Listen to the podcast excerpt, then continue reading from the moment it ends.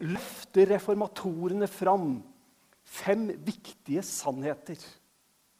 Og fem sannheter som jeg opplever har noe å gjøre med vårt tema, som har med bønn å gjøre. Vi har disse, disse store solas. Min latin er nok ikke god, for å si det forsiktig, men vi har disse solas Christus, sola scriptura, sola gratia, sola fide og soli deo gloria. Og mange av oss vi, liksom, vi, vi forbinder vi, I hvert fall tror jeg noen av oss vi kjenner liksom, det dirrer litt inni oss når vi står ovenfor disse mektige setningene. Og, og, skal vi oversette det sånn som Luther ville ha gjort siden han oversatte Bibelen, så ville vi sagt Kristus alene, Skriften alene, nåden alene, troen alene og ære til Gud alene. Og disse alene, disse kolossale setningene Vi forbinder det med reformasjonen, ja. Og eh, noen av de ble jo oftere enn andre løfta fram. Og Tenk så greit det hadde vært hvis Luther hadde skrevet ned disse fem setningene. Disse fem reformatoriske solas. Men det gjorde han ikke. Og, og så langt som jeg evner å forstå, så, så er ikke disse tingene så så veldig gamle. Vi ser de på begynnelsen av eh, forrige århundre, på 1900-tallet. Nå har jeg ikke dataene foran meg, men, men jeg, jeg, lurer på om det var rundt 1964 hvor man for første gang kan se at dette ble presentert. Da var det en bok av en uh, katolikk for øvrig som, som løfta fram disse, fire, disse, fem setningene helt systematisk. Og uh, så bygger de jo på da den reformatoriske tradisjon, selv om det ikke var systematisert like tydelig hele tiden. Fem sannheter som har en sammenheng med temaet bønn og tilbedelse og Guds fokus. Jeg har lyst til å, for å gjøre den overgangen enklest mulig, begynne med å si noen ord om det siste. Om ære til Gud alene. Jeg, jeg vet ikke hvor mye dere husker fra 2014. Jeg husker Gerd Anne og jeg vi satt og så på Andreas Håtveit og eh, Hermon. ikke sant? Man, man har, man har liksom kontakter. Han, han, har vokst opp i Gokk, for å sitere han selv. Jeg ville ikke kalt stedet det. Men for å sitere eh, Håvard selv, så hadde han vokst jeg mener Andreas Håtveit selv, så hadde han vokst opp langt oppe i Gokk. Og eh, eneste fritidsaktiviteten var vel å stå på snøbrett. Og han har hatt en fantastisk karriere. Og så er han da i Sotsji, og så skal han ta medaljen. Og så husker vi kanskje hvordan det gikk. Og jeg husker at jeg, jeg var veldig lei meg, nedstemt nesten. For det glapp. Sur fjerdeplass til Håtveit, skrev avisene. Og liksom, han, han, fikk det ikke til. Og, og det, det, å komme på en fjerdeplass Det er jo sånn at man får følelsen av og til at livet knapt er verdt å leve etter å ha kommet på en fjerdeplass for enkelte. Men så kommer Andreas Håtveit og så stråler han ut en begeistring over å ha kommet på fjerdeplass. Og så forteller han lite grann om hvilket fokus hans liv har fått. Og, og jeg har et sitat. Det må jeg få lese for deg. Før jeg ble en kristen, følte jeg et behov for å være rå. For å være skikkelig kul. Alt handlet om meg. Det ble den største forvandlingen da jeg ble en kristen. Det var ikke viktig å lykkes på samme måte lenger. Jeg ville, jeg ville gjøre det bra for å gi Gud ære. Om det går dårlig og det gir Gud ære, så gjør det ikke noe. Alt handler om å gi Gud ære. Og da tenker jeg, du verden. Kan det være at vi har noe å lære av hvor fokuset skal være. Og dere, dette er et flott bilde. Absolutt ikke noe galt med det bildet overhodet. Og bildet det er av en person som står med oppløfta hender i bønn og tilbedelse til Gud. Og det er flott. Det kan vi ikke gjøre for mye. Men det jeg hadde tenkt å si i den forbindelse, det er at det er mulig at vår tilbedelse kan bli mer opptatt av meg enn av Han som vi skal tilbe. Ehm, det kan være sånn at jeg nærmest sier til Gud at nå er jeg her for å ære deg ved at jeg tilber deg. Og det er nesten at vi sier at da blir du vel glad, Gud. Når, når jeg Tenk, jeg! Nå kommer jeg til deg, Gud, og skal bringe deg ære. Er ikke det fantastisk, Gud?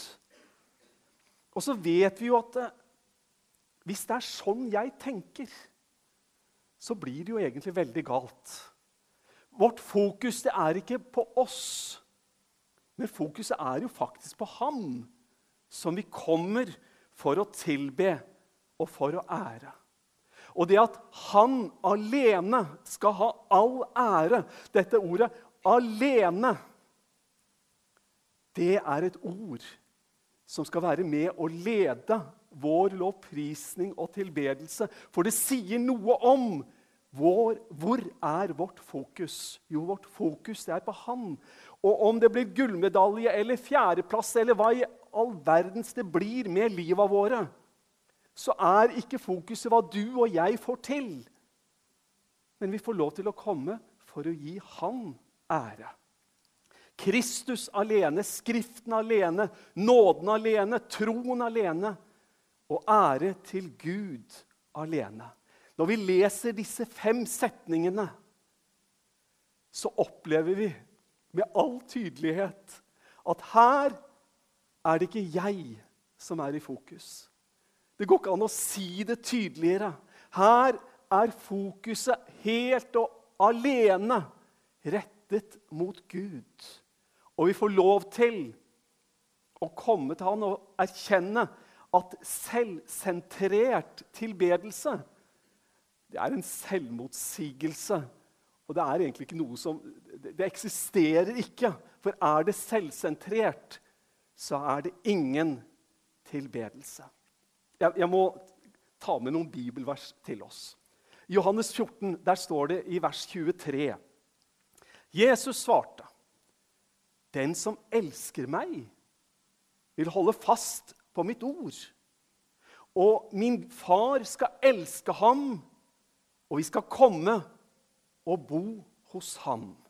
Det, det Jesus taler om her i Johannes 14, det er han løfter seg selv inn i sentrum for disiplenes liv. De kunne komme til ham, og så var de engstelige og bekymra. Og så sier Jesus, dere, dere skal ikke la hjertet bli grepet av angst. Tro på Gud, tro òg på meg. Og Så begynner han fortsatt å undervise dem om at i hans fars hus er det mange rom.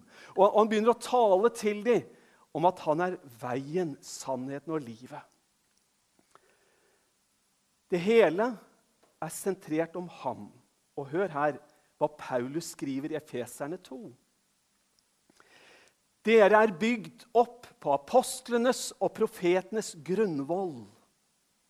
Med Kristus Jesus selv som hjørnesteinen. Han holder hele bygningen sammen så den vokser til et hellig tempel i Herren. Og i ham blir også dere bygd opp til en bolig for Gud i ånden. Kristus alene lyder det reformatoriske kampropet. Apostlene og profetenes grunnvoll taler bibelteksten til oss om. Du, en litt annen vinkling. Jeg vet at jeg ikke er veldig god i sjakk. Men jeg vet at jeg syns det er kolossalt morsomt. Og, og, og, når det var OL nettopp, og det var sjakksendinger samtidig, så var jeg jo ikke i tvil om at jeg ville heller se på Magnus Carlsen og Hikura Nakamura, som spilte Chess 960. Og hvis dere ikke vet hva Chess 960 er, så har dere voksenopplæring å, å, gjøre. En fantastisk start på et spill som gjør at du har 960 muligheter istedenfor noen ganske få. Og, og, du er inne i spennende ting hvor du ikke kan bare følge forberedelsene med en gang. og Det, det blir spennende fra første trekk. Og, og, og, man sitter der og man lytter. Og som sagt, Jeg vet at jeg ikke er veldig god å spille sjakk, men jeg vet at hvis man mister kongen, da er alt tapt. Det spiller ingen rolle hva situasjonen er. Du kan ha så mange brikker du vil i i, i overtall. Men om kongen blir fanga, og om den mistes, da er spillet over. Vi vet hvem som er kongen. Vi vet hvem som er kongenes konge, og vi vet at han kommer aldri til å overvinnes. Vi vet at han kommer aldri til å falle. Men hvis kongen faller i våre liv, hvis fokuset fra Han blir borte i ditt og mitt liv og i din og min hverdag, da spiller det ingen rolle hva vi måtte ha av alle mulige andre fine og flotte ting. Men det er noe med sannheten Kristus alene. Og er Han borte, ja, da er alt borte. Vi er avhengig av Han. Og når reformatorene løfta det fram og når det apostoliske ord sier det, så sier det noe til oss om hva som er det viktigste. Det er Kristus alene. Jeg har lest eh, bare for et par-tre dager siden, i Dagen Forsoningslæren, en lære i kamp, var overskriften. Det er en sogneprest som skriver inn her et, eh, en kronikk. Og han skriver at uh, som aldri før trenger vi å gå tilbake til Skriften for å se alvoret i Kristi lidelse. Og mer enn noensinne trenger vi å veiledes av vår åndelige arv, især slik reformatorenes formidlet den. For kampen om forsoningslæren er fortsatt intens. Du, jeg tror på Jesus Kristus Guds enbårne sønn, vår Herre, som ble unnfanget av Den hellige ånd, født av jomfru Maria. Og vi kunne fortsatt med den apostoliske trosbekjennelsen. Men det er noe som står der, og det er de sentrale sannhetene om hva Jesus har gjort, hva kongenes konge har gjort. Og det er sannheter som er knytta til personen for det er ikke likegyldig hvilken som helst Jesus vi tror på. Men den Jesus som er Kristus alene, det er Skriftenes Jesus, Skriftenes Messias. Det er han som kom, og som ble en del av oss, og som kom for å gi sitt liv som en løsepenge for alle. Jeg tror, når vi taler om Kristus alene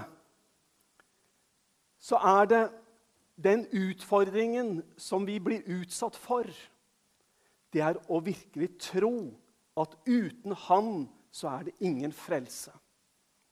Jeg tror ikke personlig at vi er nødt til å ha alt rett når det gjelder våre doktriner og når det gjelder vårt liv. Det er mangelfullhet på alle områder i mitt liv, sånn som det er i ditt, vil jeg tro.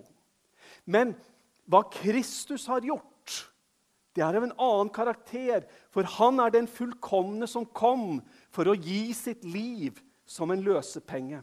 Og når vi snakker om å tilbe Han, så er det ikke bare å stå og komme med våre bønner og våre ord, men det har å gi Jesus den plass som han skal ha. Kristus alene. Det har med vår livsførsel og det har å gjøre med at vår gudstjeneste det er ikke bare ord, men det er å frembære våre legemer som et hellig, Gud velbehagelig offer. Peter han står og holder en av de første prekener. Apostlenes gjerne kapittel 4. Det er, det er, en vekkelse på gang i Jerusalem, og det sprer seg ut som ild i tørt gress. Det er en person som har blitt helbredet. Han var lam fra fødselen av. Og de opplever forfølgelse, og Peter sier når denne mannen står frisk foran dere, er det med navnet til Jesus Kristus, Nazareren, han som dere korsfestet, men som Gud reiste opp fra de døde. Han er steinen som ble vraket av dere bygningsmenn, men som er blitt hjørnesteinen. Det finnes ikke frelse i noen annen, for under himmelen er det ikke gitt menneskene noe annet navn som vi kan bli frelst ved. Det er ved navnet til Jesus Kristus, Nazareren, han som dere korsfestet. Og vi hører faktisk sitatet fra den første menighet. Fra den forkynnelse som prega deres liv. Fra deres evangeliseringskampanjer. Riktignok var de i en rettssal, men der står de og løfter fram Jesus. Jesus alene. Det har tidligere i dag blitt lest fra 2. Korinterne 5. Og Der leste vi For det var Gud som i Kristus forsonte verden med seg selv, slik at han ikke tilregner dem deres misgjerninger. Og han betrodde budskapet om forsoningen til oss. Det fins ikke frelse i noe kirkesamfunn, i noe medlemskap, om det skulle være den katolske, ortodokse, lutherske, metodistiske, baptistiske, pentakostale Uansett hva du skulle finne på av forskjellige kirkesamfunn eller trossamfunn. Man kan ha sitt navn der så mye man vil, men det er Kristus alene som gir frelse. Det er Han alene som vi får lov til å ta imot som vår frelser og følge som vår Herre. Kristus alene.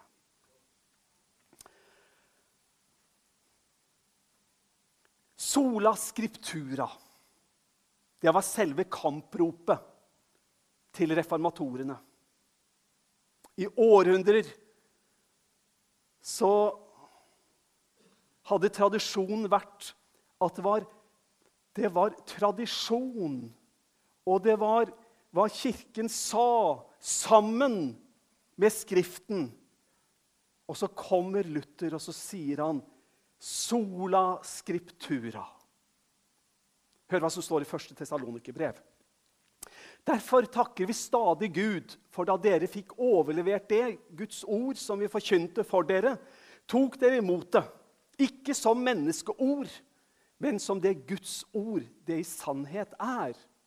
Og dette ordet er virksomt i dere som tror. Ehm, jeg tror vi trenger på en måte en, en rettesnor, for å bruke det ordet. Vi trenger noe til å fortelle oss hva som er rett. Og hvis det blir bare mitt føleri, så, så, så vet vi jo at det er så skiftende.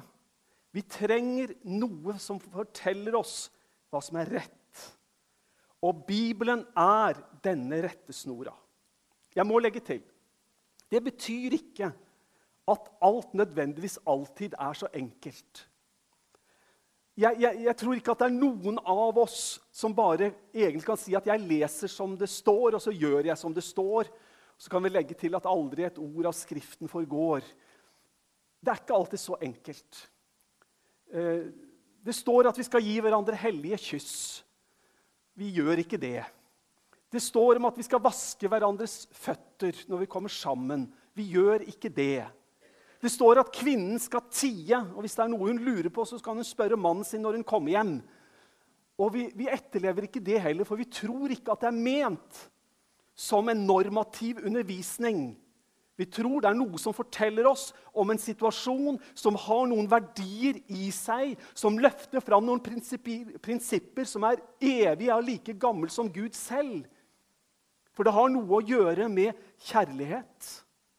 De hellige kyssene det har ingenting nødvendigvis med at de fysisk skal gjøres. Men det har noe med den kjærlighet som skal binde oss sammen. Fotvask det har ikke noe å gjøre med å vaske hverandres tær, men det har noe å gjøre med at vi er ydmyke og vil tjene hverandre og vise Kristi sinnelag, det sinnelag som var i Han. Og på samme måte kunne vi fortsatt. Så det er ikke så enkelt å si at Skriften alene gir et svar uten at vi trenger Den hellige ånds veiledning og Den hellige ånds lys og Den hellige ånds åpenbaring. Og all hjelp, sånn som det står at vi sammen med de hellige skal forstå. Det er ikke en enmannsjobb engang. Vi, vi står i en sammenheng, og Guds ord sier at det er sammen med de hellige. Men like fullt, når det er sagt Vi har ei rettesnor som står for all tid.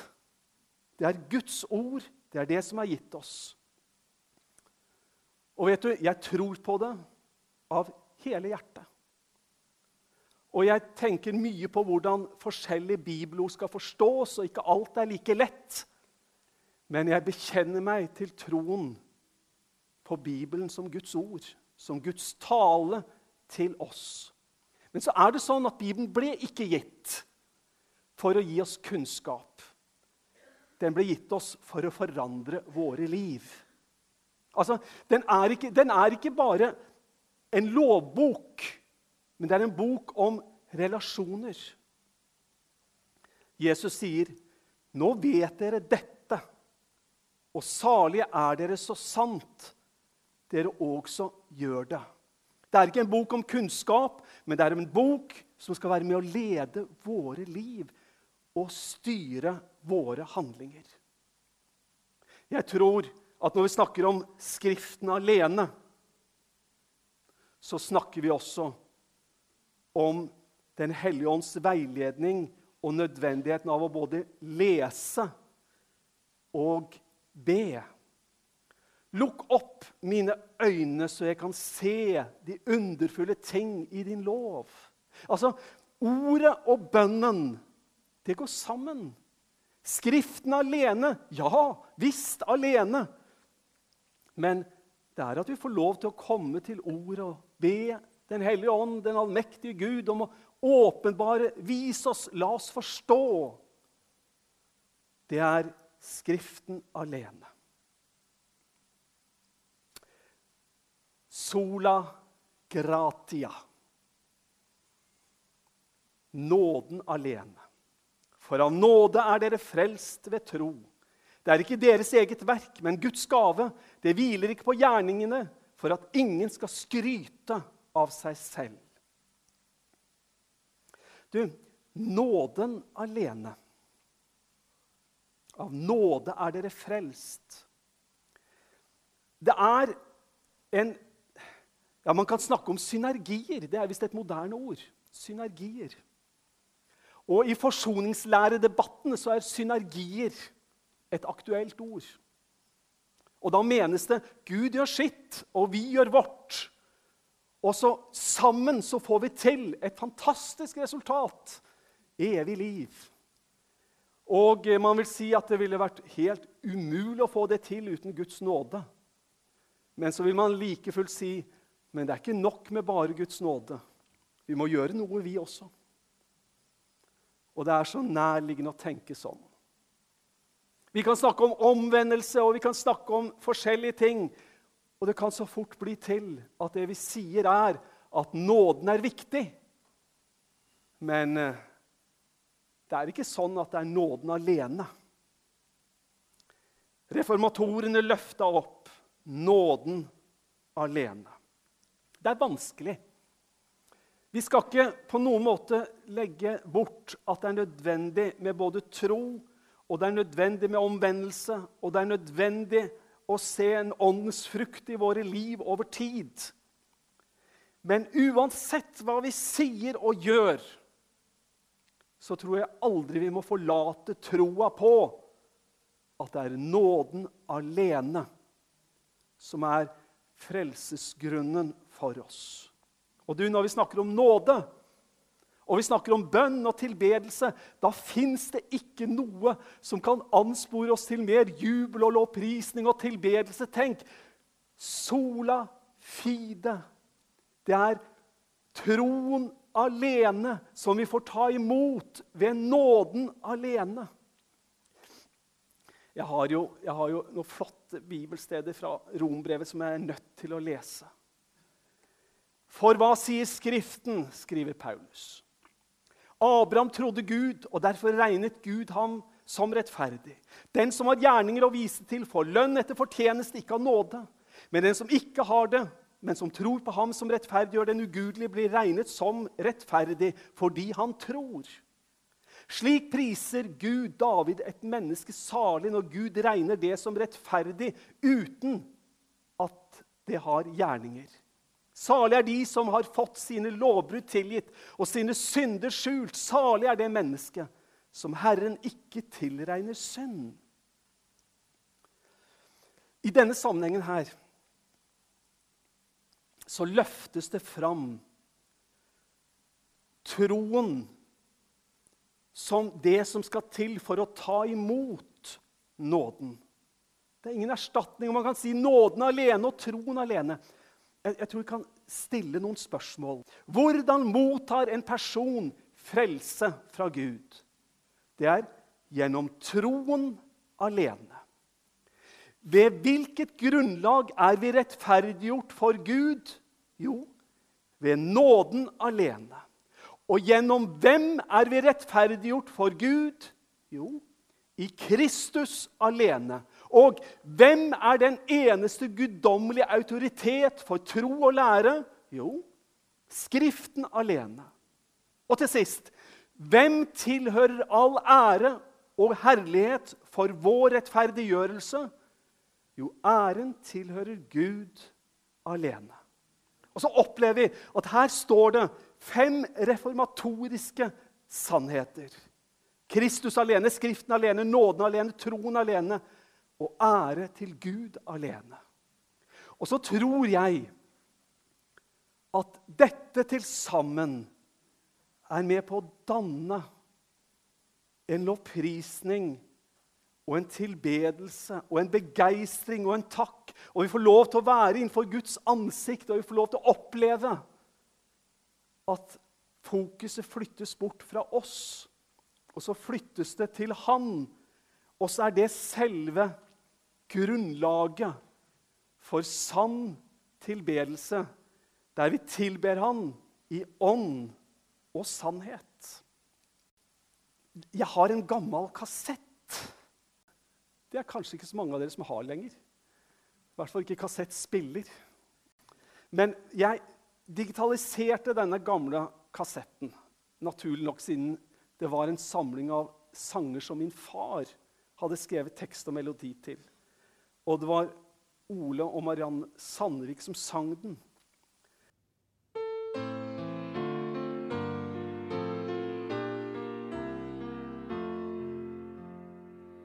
Kristus alene, min frelse og fred. La meg i bønn ved din fot knele ned. Du selv